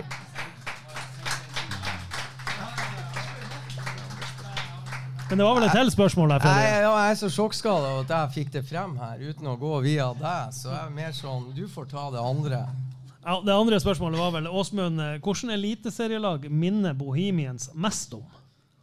Nei, altså Presspillet deres minner om Brann. Hvis vi husker tilbake til den Brannkampen som var her. Eh, Brann eh, kommer veldig høyt på oss. Eh, ønsker å låse oss av. De har de to kantene deres går altså inn på våre stoppere. Er veldig aggressive inn mot de, mens eh, spissen, eh, Bård Finne, eh, slipper seg ned på og er rundt Patrick. da. Eh, så i det presspillet så, så minner de litt om de i den fasen. Men som jeg sier, på, i, i forhold til kontringsspill altså det er et lag som er veldig direkte. De går veldig fort opp mot spiss. De er veldig De har i hvert fall én veldig stor fysisk spiss. Og så har de én veldig kvikk spiller av nummer ti, eh, som er veldig veldig hurtig, som ofte er på direkte gjennombrudd. Eh, og der minner de egentlig ganske mye om litt sånn som vi så Molde eh, i den kampen her hjemme. Eh, men igjen, eh, jeg tror ikke Bohemians er komfortabel på den måten som Molde var med å bli spilt lav. Så det blir jo et litt annet bilde. Men de er i hvert fall sånn at de er veldig direkte i den fasen når de først vinner ballen. Da, da går det fort fremover, og de, de jukser litt med to til tre fysiske spillere i front. da. Ja, Stian, vi må jo si til folket her at det er bare Hvor er det de skal sende disse spørsmålene som Jonas Klingan eh, har funnet ut at han kan gjøre? Det er egentlig overalt. Enten så sender man til Studio Glimt på Facebook eller Twitter, eller så sender man til meg på Instagram eller Twitter eller Facebook. Vi, skal, vi prøver å få med oss det meste. Det kommer stort sett overalt. har det kommet spørsmål. Så. Ja, Så går det an å ringe han Trond Olsen hvis dere har telefonnummeret. Men eh, nå skal, skal vi snart slippe han eh, Åsmund videre, så hvis det er noen som har noen spørsmål som dere lurer på til han Åsmund før vi sender Åsmund hjem og tar inn kronjuvelen, så må dere være kjapp. Send det til han Stian. Så, ja, Klingan, vær så god.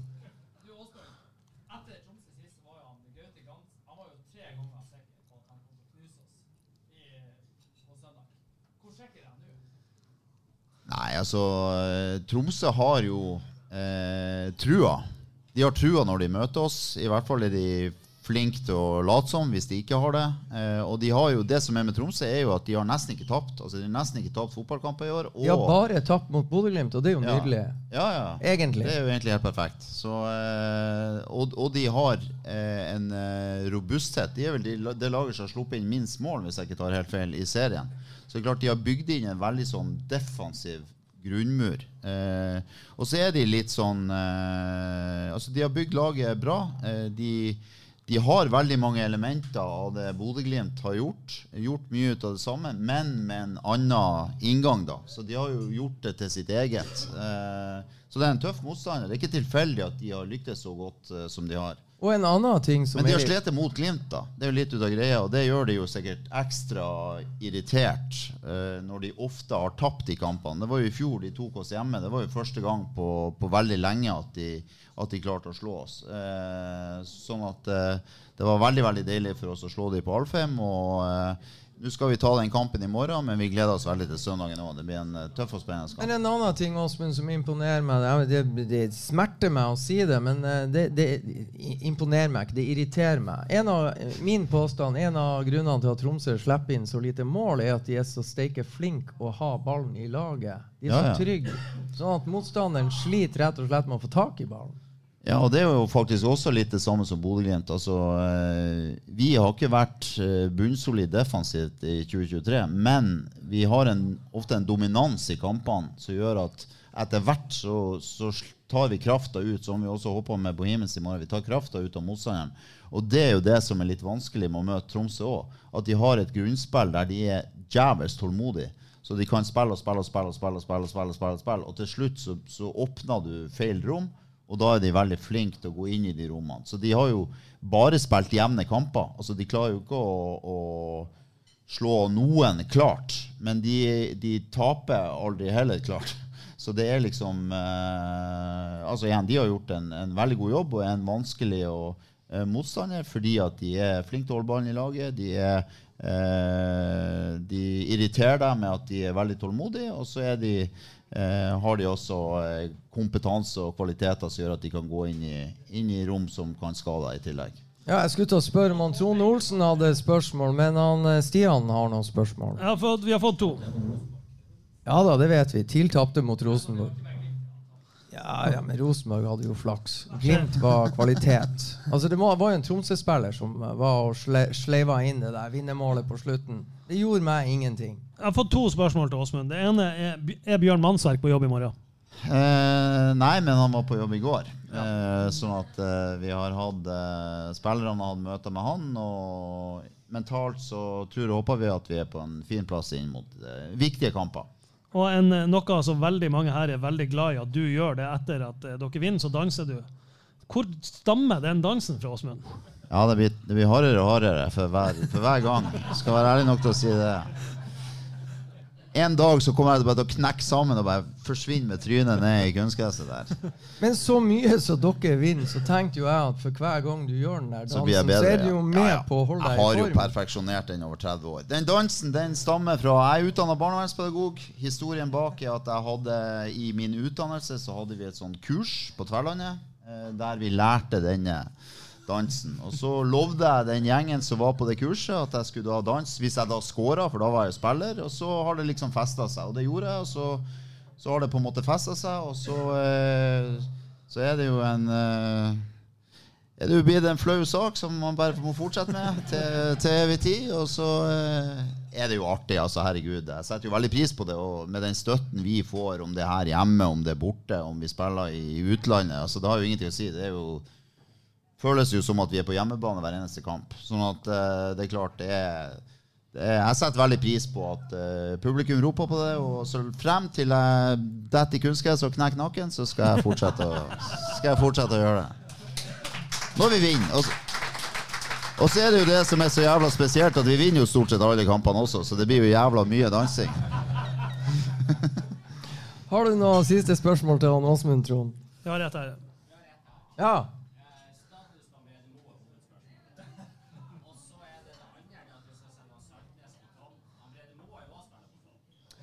Ja. Ja, ja. Det var ikke noe suksess. Det kan vi, det kan vi slå fast. Så eh, nei da, men eh, Nei da, Brede, er frisk og rask og er klar til å være i tropp i morgen. Så eh, det betyr mye for oss og er utrolig positivt. Han, det som er med Brede, er jo at han kommuniserer. Altså han er han er kanskje den som tryggeste vi har i den rollen, og er jo også en del av kapteinsen. Så han er jo den som i den bakre fireren kanskje kommuniserer aller best og mest. Eh, og det er en viktig egenskap i forhold til å hjelpe de andre. Eh, hvis vi skal sette en mann på topp, så er jeg enig med deg. Jeg tviler på at det blir Brede Moe. Da tror jeg heller det blir Ulrik Saltnes, han Trond også foreslår. ja, det er bra. Da gir vi oss der. Da ser det skåring, og så skårer Bodø-Glimt!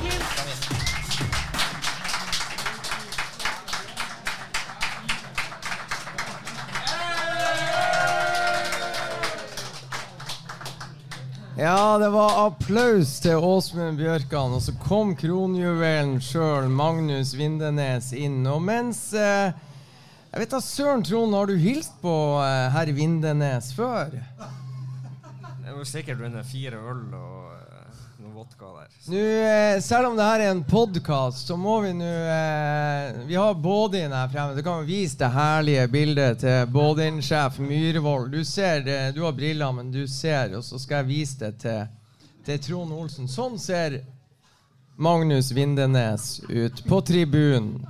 Han har vært på tribunen mange ganger. Vet du hvem det er Vindenes kjefter på her? Jeg skjønner jo hvem det er. Men eh, det var sikkert fortjent. For de som ikke ser det, det han kjefter altså på Trond Olsen.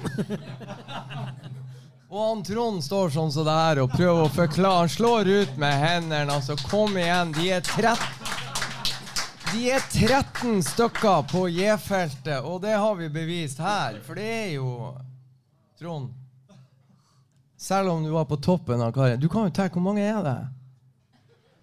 Tolv og en halv.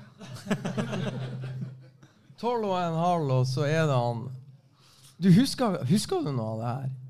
Nei, jeg, jeg vet jo at vi tapte en kamp, men eh, hvilken kamp det var og Det kan du jo kanskje fortelle om sjøl.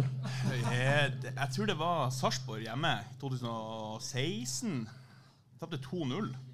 Eh, og jeg syns jo, det- jeg synes jo dere spiller jævlig dårlig.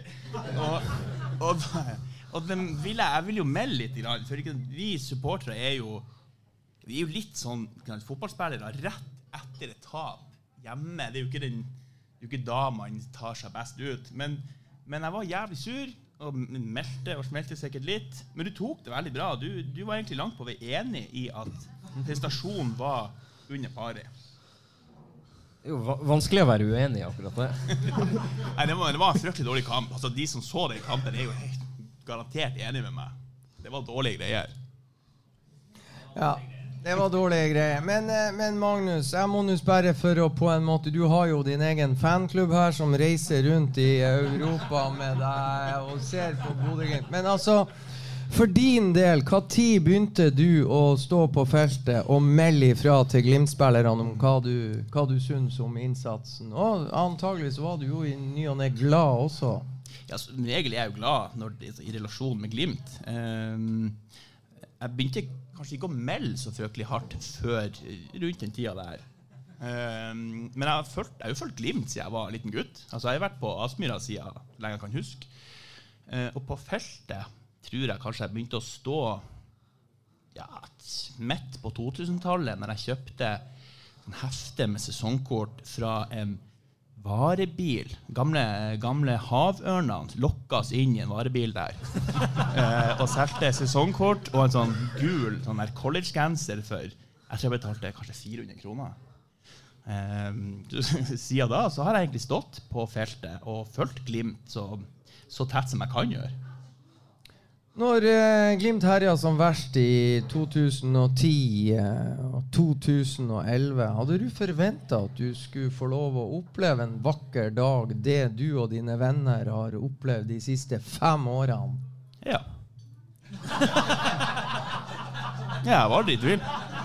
Aldri i tvil. Nei, jeg var, jeg, var altså, jeg hadde aldri trodd at Glimt skulle vinne seriegull. Altså, det har vi jo sunget på, på J-feltet i mange år. Når Bodø-Glimt tar seriegull. Jeg hadde, aldri, aldri trodd at vi skulle vinne og være så forbanna gode som vi har vært. Um, og, og det å følge Glimt i Europa liksom, Borte i Norge er jo greit, det kan man jo gjøre uansett hvilken divisjon man er i, men å få følge Glimt ut i Europa mot store lag, nye byer, altså utafor Norges grenser, med kompiser, det er jo noe sånn Det har egentlig bare vært en slags sånn, jeg kaller det en drøm, da. For det, er ikke noe du, det var jo ikke noe du trodde når du sto borte mot Nybergsund, Trysil, ikke sant, og forventa at du skulle dra og se Roma. Nei, for sant, det, det er en lang reise fra bortekamp mot Nybergsund til f.eks. Letzigrund i Zürich eller London og se på Arsenal, Glimt. Ukraina. Ukraina, for det er vel nesten som Nybergsund, kanskje. Ikke så, ikke så rent ulikt. Nei, for det var jo ikke så mye folk. Men, eh, men uh, fortell litt om det. Du har jo noen gode historier. fra hvor, hvordan, var det, hvordan kom dere dere i det hele tatt til, til Zaporizjzja? Eh, altså det, jeg har man gode historier. Eh, eh, men vi kan, jeg kan begynne å svare på, på reisen til Zaporizjzja. Den gikk jo egentlig greit, for min del. Ja, Du kan få ta din, og så kan du få ta de som det ikke gikk fullt så greit for. Nei, vi er jo Vi er jo prisgitt hverandre, vi i min Kall det utvida gjeng. Vi er jo en- Dere kan planlegge. Vi kan planlegge, og vi er jo en, en, en fin gjeng med litt forskjellige folk med u- ulike kvaliteter, som til felles da, så elsker vi jo Glimt. Sånn at reiseruta vår var greit. Det var nå Bodø, Oslo, tre-fire polske flyplasser før vi kom til Zaporizjzja. Eh, og det er jo en, egentlig en grei tur. Eh, men det gikk jo ikke så bra med, med enkelte andre, da. Eh, de Ja, det var, vel noen, altså, det, det var noen som skulle rekke et fly i Kiev. Ja. Som skulle fra Kiev til Zaporizjzja. Det rakk de ikke. Det rakk de ikke. De kom vel inn fra Tallinn til Kiev. Da var flyet til Kiev gått. eh, Og da gikk vel ikke neste fly før etter kampen. Og det er jo ikke noe særlig. Og de bestemte seg vel da for at det blir tog eller bil. Toget virka vel ikke så kjempeinteressant. Så de fikk jo tak i en, en, Uber og kjørte åtte-ni timer. En vei. En vei. I nattens mulm og mørke. I, gjennom ukrainske byer og krøtterstier. Så de kom fram, de kommer fram i ah, seksdraget på morgenen, tror jeg, på kampdag. Og det, altså, det var en, en imponerende tur. Og Stian, du eh, var jo på jobb for Avisa Nordland og skulle prøve å få denne gjengen som hadde bestilt seg en Uber på, utenfor flyplassen i Kiev. Og du skulle jo ha Du hadde jo en, en sånn bombesikker avtale. De skulle fikse bilder av seg sjøl og sjåføren. Hvordan gikk det? Sjåføren han eh, hadde ikke tid til å vente på at dette bildet skulle tas. For Han måtte skynde seg tilbake til Kiev, for han skulle på jobb. eller han hadde en avtale der, Så, så han hadde ikke de to minuttene eller de 25 sekundene til å ta bilde med gjengen utafor bilen. Så han heiv de av, takk for turen, fikk pengene, snakkes og for. Ja, det er bra. Trond, eh, har du noe europacupminner med Bodø-Glimt? Jeg vet ikke, jeg må bare spørre. Ja, jeg har vel vært i Levadia Tallinn. Eh, Jeg vant Det var jo en legendarisk straffekonk. Ja. Eh, Var du der? eh, Jeg, jeg var i hvert fall. Lindenes? Nei, den tror jeg faktisk jeg hørte på Radio 3. Ja. Jeg tror ikke jeg fikk lov hos mutter'n å fære. Men du var der, Trond. Ja, var, var, var der, ja.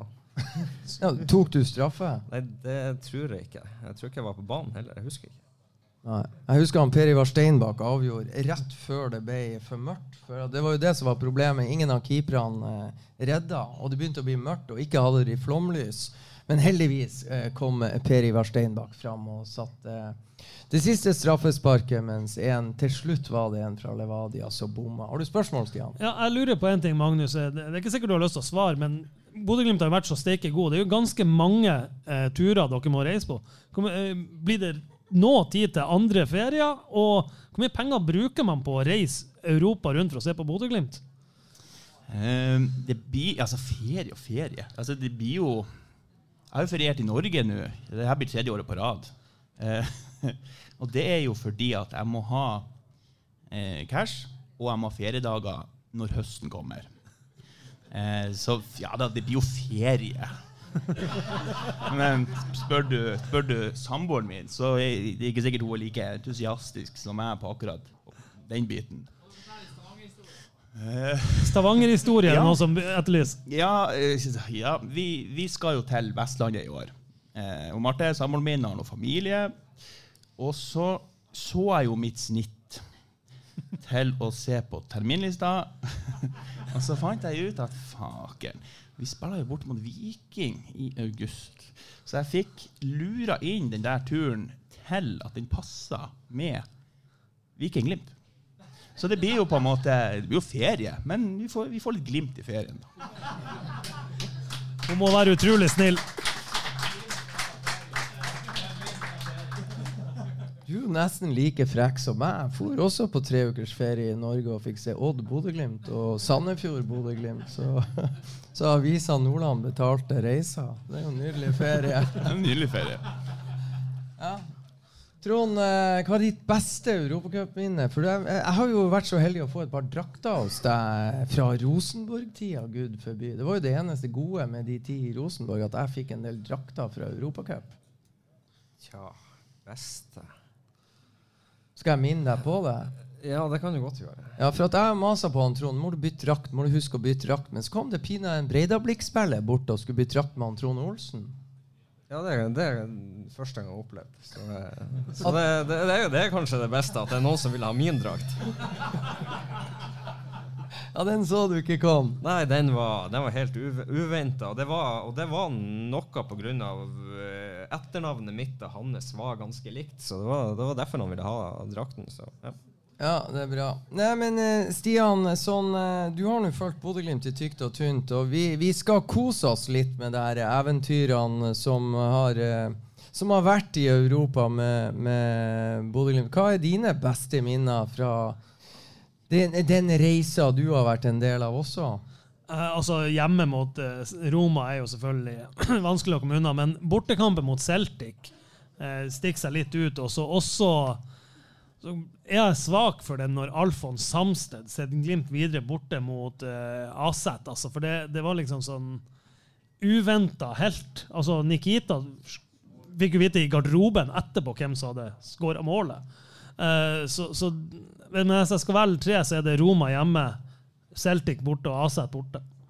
Ja, Stian er på øverste hylle. Trond, du var jo eh, Var ikke du i Zürich som supporter? En av dine første borteturer som rett og slett eh, Du er en av ultrasupporterne, tenker jeg, som eh, Ja, dro det- nedover. Det var hardcore. Det var, nei, det var vel egentlig Ja, det var første bortekampen jeg var som supporter eh, i Europa for Glimt, og det, var, det ga mersmak. Det var den stemninga og det, det livet som er der, og bare se alle som er stolt og tar på seg gule drakter, gule sjef, eh, gule votter og alt som, som er. Så ja, det er man, man står med, på torget der med, med gåsehud og selv- selvfølgelig litt promille, men det er, det, det er fantastisk å se hvor det har vokst de siste årene, og spesielt uh, ute i Europa når man uh, drar på flyplasser og man ser folk uh, kommer gående i gule Glimt-drakter. Det, det er en formidabel jobb som er gjort på den sida òg. Altså, altså, er, Hvis ikke jeg tar feil, så er det fem spillere som har over 200 kamper i Eliteserien for Bodø-Glimt. Du er en av de. Det må være litt sånn merkelig som spiller eh, Nei, som, som eh, etter at du sjøl har lagt opp og reist på tur med supporterne til ditt kjære lag og opplevd det du opplevde i Sveits. Ja, det er jo det. For, for som, som spiller så, så er man jo ikke med på, på noen av de her tingene. Det var jo liksom sånn som Du har vært i en cupfinale, men det er bare en kamp for, for, for spillerne. Mens for supporterne så er det ei helg med fest. Så det, er, det er noe annet å reise som, eh, som supporter enn som, som spiller. Man får oppleve mye mer, og eh, er man spiller, så, så kommer man dit, man trener, man uh, spiser, man ligger på hotellrommet og, og trykker på telefonen og ser uh, ser serier, spiller yatzy eller hva man gjør. ikke sant? Så det, det er et helt annet fokus man har da. Man, man er liksom på en helt annen plass enn enn det man er som uh, supporter. Trond, hvem sin drakt hadde du i Zürich? Det, jeg kunne, kan jo bare ha én drakt. Det er jo min egen.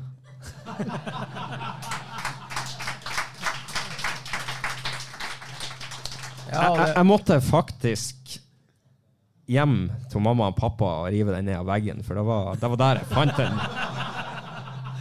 Du har gitt bort alle til, til en jeg kjenner. Du, det, det er kommet et spørsmål. Det er fra en ikke navngitt eh, spørsmålsstiller, Magnus. Um, spørsmålet er om du kan fortelle noe om et nachspiel i um, Sofia. Ja. Nei, altså, i I, so I Sofia Det var jo, det var jo den første turen. Eh, gutta boys, gruppespill og en helt nydelig tur. Vi skal ut, vi skal følge Glimt. og Vi hadde hvor mange var vi? Seks-sju stykker. Og vi hadde leid oss ei sånn nydelig sånn her eh, penthouse-leilighet i noe sånn, I hvert fall det som så ut som et fint strøk i Sofia. Eh, Med, altså det var, det var, var pingpongbord, og det var boblebad på, ute på terrassen. Altså vi levde jo som småkonger der. Eh, men det nachspielet gikk fint og rolig for seg, det. Det var Det var, det var litt pingpong og litt musikk. Rolig musikk. Og, ja. Det, det, det ble ganske heftig. Jeg, jeg for jo hjem til Bodø. Jeg måtte rekke en 70-årsdag til min kjære mor, så jeg tror jeg for hjem klokka tre på morgenen. Og da tror jeg resten av hurven, mange av de som sitter her, bare fortsatte det nachspielet. Ja, sånn er det. Uh, har du lyst til å høre mine, noen av mine beste minner fra Europacup med Bodø-Glimt? Nei, for altså, det er, det er fansen, og det, det er faktisk den, den gjengen her. For jeg tror vi skal til Sofia. Eh, noe, noe som jeg syns er så fint med de her reisene og det der fellesskapet som fansen, og som du fikk smak på i Zürich. For at eh, jeg og vår kollega Kristoffer vi skulle ta bilde, vi har overtalt de her gutta til å ta bilde. Og så, så sitter vi der på en pizzarestaurant i Sofia, og plutselig så kommer det en lokal helt bort. Og kommer inn og spør på hva av norske litt sånn dialekter, eh, altså fra Vestlandet. Vestlandssving over den eh, bulgareren, ikke sant? Det var jævla rart. Eh, men han lurte på om vi var fra Norge. Jo, vi var fra Norge. Og så begynte guttene å prate med han, og jeg var jo journalist, sto der med kamera og fulgte litt med. og... og eh, og så spør no, hvem han, var Klingan eller om det var Vindene, som spør om han skulle på kamp. Ja, Killy som spurte, ja. Killy spurte om han skulle på kamp, og svaret han nei, han hadde mista han var arbeidsledig i mange år og hadde ikke råd. Det var så, Han var jo supporter for det andre laget. ikke sant? Han hata CSK Sofia, men han eh, heia på det andre Sofia-laget. Så nei, dessverre, han skulle gjerne ha vært med. Og han er ikke ferdig med utredninga si om at han har ikke råd til å gå på kamp for to av, av gutta i den norske leiren. Jeg ser de tar opp mobilen, og de går på bortefeltet. Og før han var ferdig, bare nikka De de så hverandre, de her to Glimt-supporterne. Så det var noe sånn der eh, stilletiende. Han ene fiksa billett, og han andre skjønte at han trengte ikke. Så når han var ferdig med setninga, denne bulgareren, så bare Du blir med. Vi har kjøpt billett. Du blir med oss på kamp. Møte opp sånn og sånn. Og han sto der med sin gule jakke eh, med Glimt-supporterne og så at, det ble, at Erik Botheims skåring ble annullert. Men det er en sånn nydelig historie. En annen en er fra Zürich. Hvor eh, Glimt-fansen synger og drikker øl, og det er fantastisk stemning. Og selvfølgelig kommer det ut en tulling med et brett kaffe og serverer til politiet som står og passer på. Det er sånne nydelige Tenk nå, Stian, hvis du hadde vært politimann i Zürich og skal passe på hooligansen fra Norge, og så kommer det en full jævel og gir kaffe til deg. Så det er jævla bra, da. Jeg hadde ikke drukket den, nei. Du hadde ikke tort? Nei, men Det er sånne nydelige historier som er en del av helheten. Og det syns jeg snakka med disse Han, treneren eh, til, til Bohemian så han håpa at det ikke ble en krig, at det ble en god fotballkamp. Og så håpa han også at det var litt spenning igjen til kampen i Praha. Så sånn er det. Hva er høydepunktene dine, Magnus? Oi. I Europa med I Bodø-Glimt? Europa. Altså, 6-1 hjemme mot Roma og Mourinho og hele den, den kampen der er jo selvfølgelig vanskelig å komme fra. Ehm, men så er det jo noe altså Jeg personlig Det er noe med det her å, å kan reise med sant, dine beste kompiser, med laget som du har fulgt siden du var liten, og så og fære ut på, på raid, holdt jeg på å si. Fære ut til til en annen by som du kanskje ikke hadde fornt til hadde det ikke vært for Glimt, og møte alle de her nydelige menneskene, sånn som Krum, som bare stakk hodet inn på, på puben i Sofia. Eh, Ja, også så herlig. Jeg heter Krum, som i krumkake. ja, ja, han, han var helt, var en helt nydelig mann. Eh, men også er Arsenal borte er jo også litt vanskelig å ikke nevne, fordi at da står du og I hvert fall med min opplevelse at vi, vi synger jo ut eh, Emirates. ikke sant? Vi står jo der 3000-4000 nordlendinger og hopper og synger og får jo liksom skryt i pressen òg, for det, det er så jævla bra Dere får faktisk skryt av en av de mest oppegående eller mest anerkjente engelske journalistene selv ett år etterpå. Ja. Og det er litt rått at lille Glimt ikke sant, med, Det er jo ikke så forbanna mange mennesker som, som har å reise rundt og se Glimt, egentlig. Så det er jævlig kult at altså, Arsenal de vant med å ta imot store klubber. Så kommer lille Glimt fra lille Bodø og, og liksom gir de litt eh, bakoversveis. Ikke, ikke laget, vi tapte jo velfortjent, men på tribunen så var det, det var jævlig kult. Um, men hvis jeg skal velge én, kanskje den beste opplevelsen, så tror jeg jeg tror det må bli Zaporizjzja.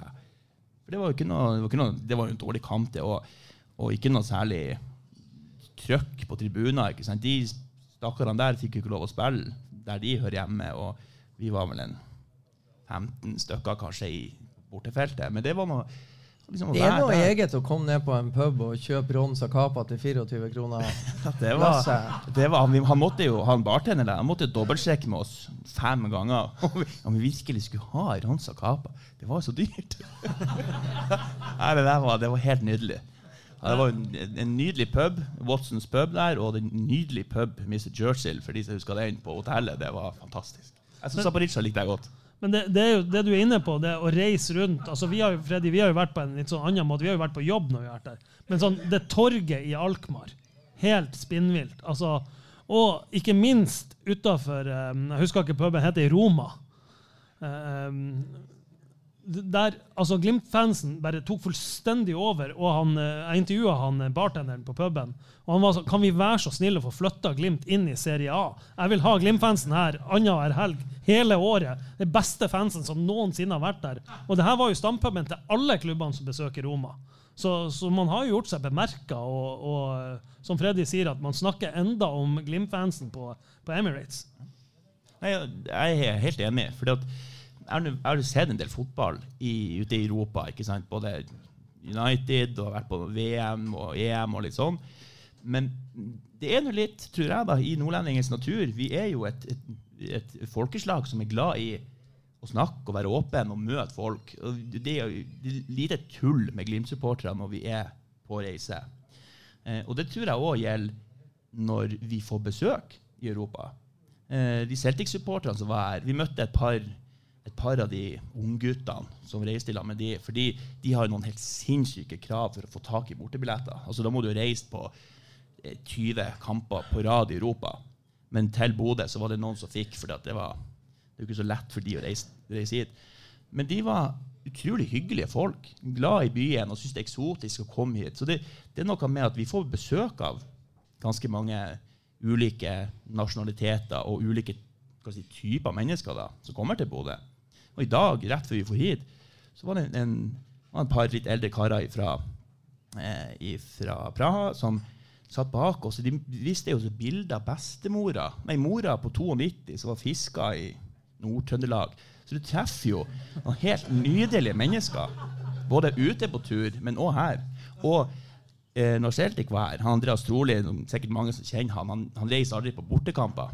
Men han, han, eh, han er på Myra ofte. Og han inviterte jo et par av de Celtic-guttene hjem på tacofredag, tror jeg. Så, så vi, vi, vi skaper jo noen, noen bånd her med de her menneskene. Og det syns jeg er utrolig artig å tenke på. Ja.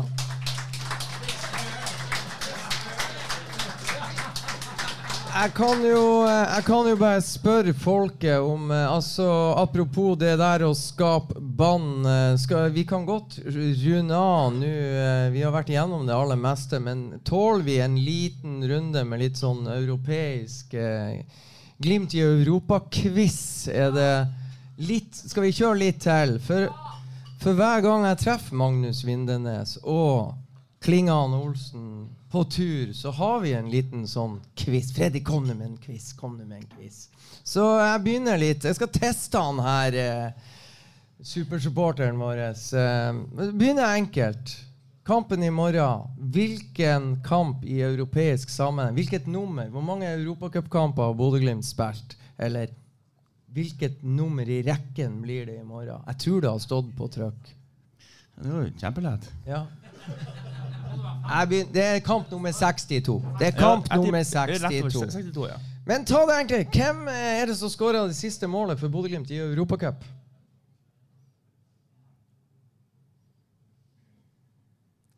Nå ble det stille. Det er lov å rope det ut. eh. Det er lov å rope det ut. Det siste. Kom igjen, folkens. Hæ? Myhrvold fra Bådin er også ute og reiser i den store verden, og skåringa kom hjemme mot PSV Eindhoven. Ikke sant? Da lærer vi litt der. Nino Sugell.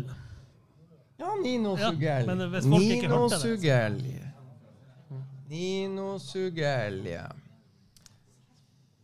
Vindenes, historisk. Hvem skåra det første målet i Europacupen for Bodø-Glimt? Å, herregud. Altså, ja, da er vi jo ja, Vi er jo Det er jo, det er jo, langt for min tid. Nei, da, Arne Hansen er foreslått, Harald Berg er foreslått. Harald Berg skåra nummer to. Nummer to. Eh, ok, ah, Da får jeg foreslå eh, Terje Hva du sa. Hva du Det var Stula Solhaug. Så da lærte vi litt, ikke sant? Sturla Solhaug det første. Nino Sugell foreløpig det siste. Trond Olsen, har du skåra i Europa for Bodø-Glimt? Jeg vet ikke, men jeg vet at, at fasiten sitter her. Nei, det tror jeg ikke. Ikke som Nei, ikke som jeg kommer på. Ok. Nei, jeg vet ikke. Jeg bare spør deg.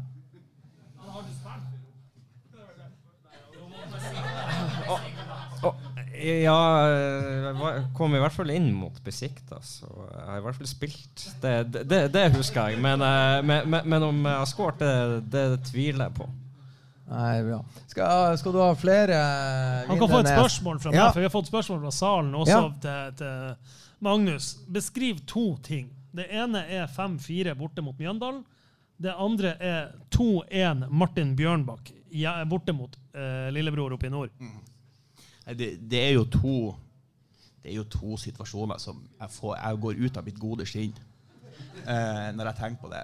Men eh, Mjønda, altså 5-4 borte mot Mjøndalen, der er jo, altså, det, er jo helt, det er jo helt sinnssykt. Eh, for du har all den dramatikken og, og masse mål, og, og han, han Moberg i mål, og vi leder, og så snur de. Så du blir jo, du blir jo litt sånn Du, du skjønner jo litt sånn typisk Glimt at faen Det gikk ikke. Og så, når, når han Evjen bare smeller til der, så det er akkurat som at du opplever det i sakte film. For du ser bare Han skyter, køler den, og så går den jo i altså Jeg husker det i nydelig bue i krysset der. Og da, da tror jeg ikke at jeg helt skjønner hva som skjer. ja, det tipper jeg. Nei, altså, så, det, tar, Det tar noen sekunder før man liksom skjønner at fy faen, vi har vunnet 5-4 eh, borte mot Mjønde på sju minutter på overtid, ni minutter på overtid. Og hele bortefeltet der gikk jo altså, Det var klin kokos. Og det var jo folk som bare feira, og så forsvant de bare ned noen rader. Og de, jeg tror ikke de kom opp. De bare, de, de bare for. Nei, det var helt nydelig.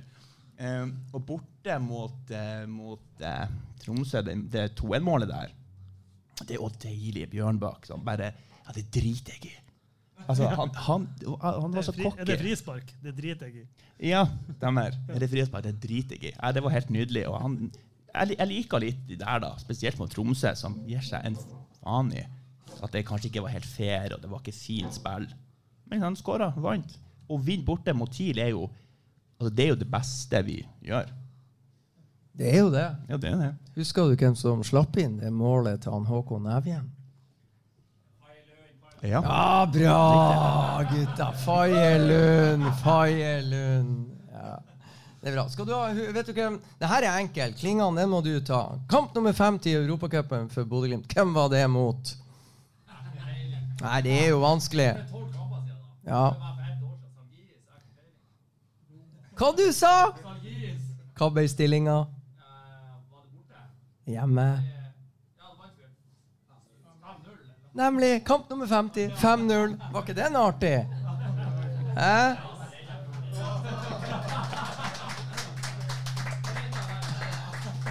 Nei, det er bra. Er det noen flere spørsmål til seg herr Vindenes, Trond Olsen, Stian Høgland før vi gir oss, folkens? Har du noe mer du lurer på, Stian? Nei, jeg føler at vi har fått eh, svar på mye av det jeg lurte på. i hvert fall. Ja. Ja.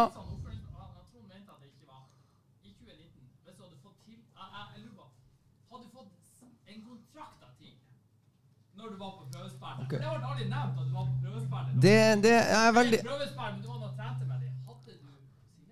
Jeg skal gjenta spørsmålet for de Ja. som sitter bak i salen. Eh, Ja. Trond, hvis du hadde fått tilbud om kontrakt i Tromsø i 2019, hadde du signert? For, for det første så, så var jeg ikke på prøvespill. Jeg, jeg var trente med dem etter at jeg spurte han Tom Høgli om det var greit at jeg kom og trente med dem. Og hadde jeg fått tilbud om kontrakt, selvfølgelig hadde jeg skrevet under på den. Jo, men jeg, jeg er jo nødt til det. Jeg er jo nødt til det. Jeg er jo nødt til å tenke på min egen karriere og få avslutta på, på mitt eget vis. Og hadde jeg fått den muligheten og, og, og spilt eh, et år til i Eliteserien, så selvfølgelig hadde jeg gjort det. Og det hadde Hva? alle andre òg gjort. Når ble du så jævlig ærlig? Kan ikke du av og til ta en white lie her. Nei, men Det er jo derfor dere vil ha meg her, fordi at jeg er ærlig. Jeg sier det jeg mener. Ikke på det området. Ikke på det området, Trond. Ja, det Ja. Da, og så har vi Før du, så skal vi bare Han Trond er jo også Han må jo lære litt. Han har fire kamper i Europacupen for Bodø-Glimt. Alle som innbytter, ingen mål. Tusen takk, Runar Henriksen. ja.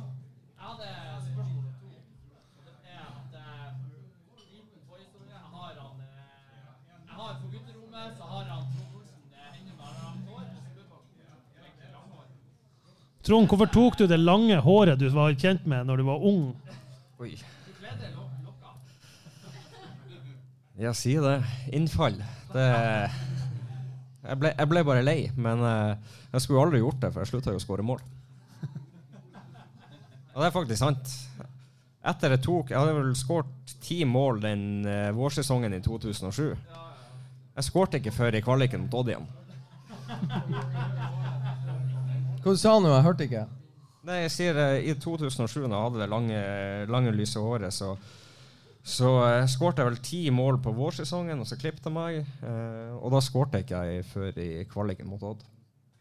Ja, ja, den som venter på noe godt, venter ikke forgjeves. For de var jævlig fine i skåringen der. Var du på kamp da, Vindenes? Ja, den kampen husker jeg veldig godt. Og da, eh, da har jeg gode minner at vi for, på, eh, vi for ut på puben rett etterpå. Og vi, der òg gikk vi ut av vårt gode skinn. Altså, det var en helt, helt, helt nydelig kveld.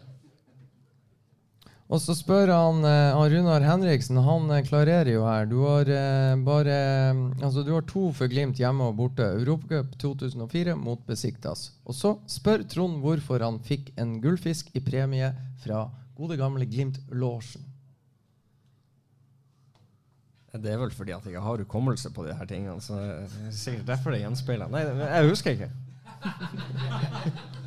Ja, da må vi be han Runar Henriksen om ei lite, ei lite oppklaring også. der. Jeg skal for, faktisk fortelle en liten historie om uh, Stian, skal vi ta den her, han Åsmund Bjørkan, når han var uh, Vi hadde i gode gamle dager en liten quiz på Aspmyra hvor, hvor det var tre Glimt-spillere der og tre Glimt-spillere der. Og de var, det var en, glim, en quiz om Bodø-Glimt. Og lagene var helt hjem til de siste to-tre spørsmålene. Og det var ett spørsmål som skilte lagene. Hvilke spillere i Bodø-Glimt har skåra 50 mål eller mer i Eliteserien? Cato Hansen sitt lag satt her. Prikka jeg tror det var tre spillere. Jeg tror det var Stig Johansen, det var Bengt Sæternes, og det var én til. På det andre laget satt bl.a. Åsmund Bjørkan. Han foreslo eh, med sine lagkamerater Bengt Sæternes, eh, Stig Johansen, men han kom faen ikke på nummer tre. Som var han sjøl. Og så vant det andre laget.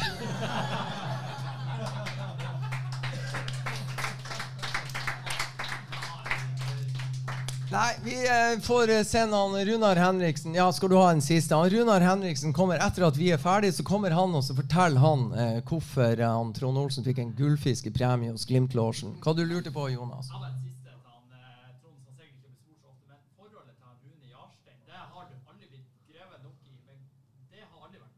Trond, eh, forholdet, for, forholdet til Rune Jarstein er spørsmålet. Det har jo vært fantastisk bra. Ja, ja men, ja, men, men eh, vi, kan, vi, kan begynne, vi kan begynne på starten. Uh, Rune har spilt enormt mange landskamper med. Jeg har vært med han i Rosenborg, jeg har vært med han i Viking. Uh, ja. Men det begynte vel i 2002, vil jeg tro. Vi spilte juniorcupkamp her oppe på Aspmyra. Jeg kommer igjen da. Da hadde jeg spilt noen landskamp allerede sammen med Rune, så jeg kjente jo han godt. Eh, jeg kommer igjen og Rune feller meg eh, for, for straffespark. Han Rune mener jo at det her er filming og det vanlige. Jeg går og henter en ball der, og, og det kommer trillende en ball ut der. Og Rune fikk jo gult kort for fellinga. Så kommer det trillende en ball ut der, og Rune skyter en ball langt opp på tribunen. Og jeg står med en ball i hendene, kaster den vekk. Faen, dommer! Gult kort nummer to utvist. Og, og, og så har vi jo og, så har vi jo en del landskamper her i lag imellom, og noe mesterskap og alt sånt, og vi er gode venner av det. Um, kvaliken med Odd skårer to på han, ikke sant? Det blir jo god stemning for oss. Han går til Rosenborg. Jeg kommer etter Nesten etter det, men vi har jo den Rosenborg-kampen der jeg skårer tre stykk på han før jeg kommer til Rosenborg. ikke sant? Så det var jo også litt av historien. Eh, vi kommer til Ja, vi er i Rosenborg i lag, og så blir han solgt til Viking etter litt frem og tilbake der. Erik Hamren uh, bestemmer seg skal, Det er siste kamp for Erik Hamren før han um, før han skal ta over Sverige. Uh, så kommer han til meg dagen før og så sier han det at Trond, du skal spille de siste 30. Det er banka. Eh, Rade Pritcha skal ut da, og du skal spille de siste 30. Um, bare vær klar til det. Ja, jeg tenker det. Jeg skal nå inn og springe ræva av meg. Det, det er 1-1 der, og, og på overtid så, så er jeg på vei igjennom, så får jeg en sånn liten dytt av eh, Børre Stensli, og jeg mener jeg skal ha og står nå der og kjefter litt. Og Viking kontrer og er på vei oppover. Rune kommer og gir meg en liten dytt, og jeg detter jo som en potetsekk og hyler og skriker der. Og Dommeren han er på vei fremover. Plutselig hører jeg bare at han blåser i fløyta og snur. Jeg tror jeg skal få gult kort for filming. Nei da, da får vi straffespark. Ste Steffen Iversen skårer 2-1 3-4 minutter på overtid, og vi vinner den kampen. Aldri sett Erik Hamren så glad for.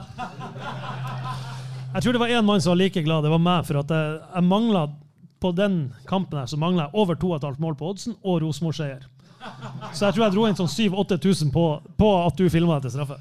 Men og, så han Trond påstår at de er gode venner. Og jeg har eh, etter alt det her som faktisk ikke Det her er sant, alt. Men det er også sant at de er gode venner. For en gang han Ja, men, men, men, så, men, rett etter det igjen, da, så kommer jo jeg til Viking og, og spiller sammen med han eh, Rune. Du kan få lov å ta det Ja, ja, etterpå. ja. Men så har vi jo den situasjonen på trening i Viking òg. Ja, den flaskekastinga. ikke sant? Vi spiller fire mot fire, og jeg har jo ikke gjort jobben min defensivt. Og han kjefter på meg, og jeg er jo som vanlig så nekter jeg for at det der er ikke min feil. og det er nå bare redd den jævla ballen, du, sier jeg til han. Og han klikker på meg og kaster flaske, og jeg står og kjefter tilbake. Og tilfeldigvis, vi har ikke hatt media på, på trening én dag den uka. Den dagen står TV2 der og får alt på tape. Så det var eh, kjempeslit for han Rune der, så jeg var jo dessverre nødt til å gå ut og ta all skyld på meg, selv om det ikke var det. Det er forunderlig, det der. Ja. Så, sånn er det. Historien er der, men vi er gode venner. Ja, og, og Klingan han, eh, Trond sitter i 2016, og så sitter han og ser på Messenger. Jo, der er Rune Almen Jarstein. Du, Rune, har en kompis som vil ha Hertha Berlin-drakt. Kan du fikse det for meg? Pang. Ei uke etterpå så er drakten i Bodø. Så godt levert av Rune Almen Jarstein. Nei, men bra. Helt til slutt, resultattips. Magnus Vindenes. Hvordan går det mellom Bodø-Glimt og Bohemians i morgen? 3-1. 3-1. Stian Høgland. 2-1. Trond Olsen. 1-0. Freddy Thoresen 4-0. Takk for oss.